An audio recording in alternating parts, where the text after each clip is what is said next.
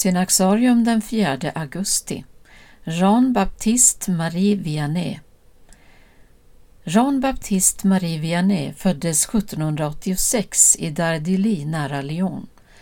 Han var det fjärde barnet i en varmt troende familj och som barn hjälpte han sina föräldrar på fälten liksom med att vakta fåren.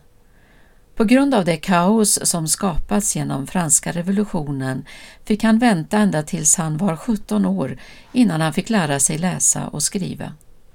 Han var ingen lysande student och svårigheterna med studierna ledde honom på andliga vägar som var ovanliga och mycket personliga. I flera år försökte Vianney att klara den examen som krävdes för att han skulle bli antagen som präst. Efter stor ansträngning blev han till sist antagen och ägnade återstoden av sitt liv åt omsorgen om sin församling i den lilla staden Ars.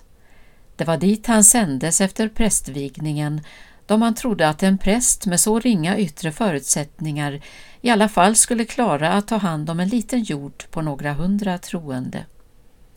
Väl medveten om sina begränsningar insåg Vianney att hans enda möjlighet att klara den tjänst som anförtrotts honom var att han fick ta emot sina ord från Gud.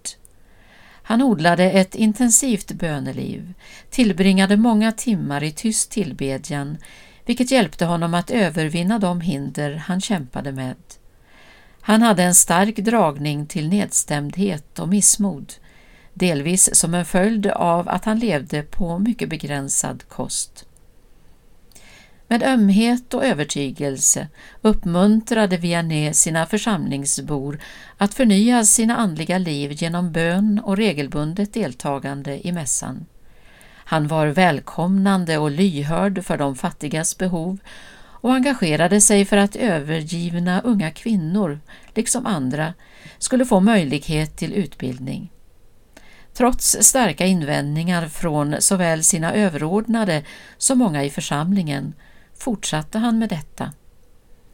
Viannés rykte spred sig på ett sådant sätt att han mot slutet av sitt liv uppsöktes av tusentals människor årligen som kom för att lyssna till hans märgstarka predikningar, bikta sig och få förbön av prästen i Ars.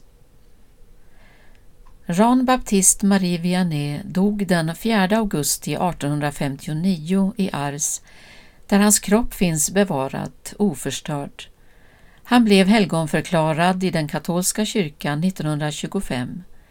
För att hedra hans minne utlyste påven Benedikt år 2009 vid 150-årsminnet av hans död ett särskilt prästernas år i kyrkan.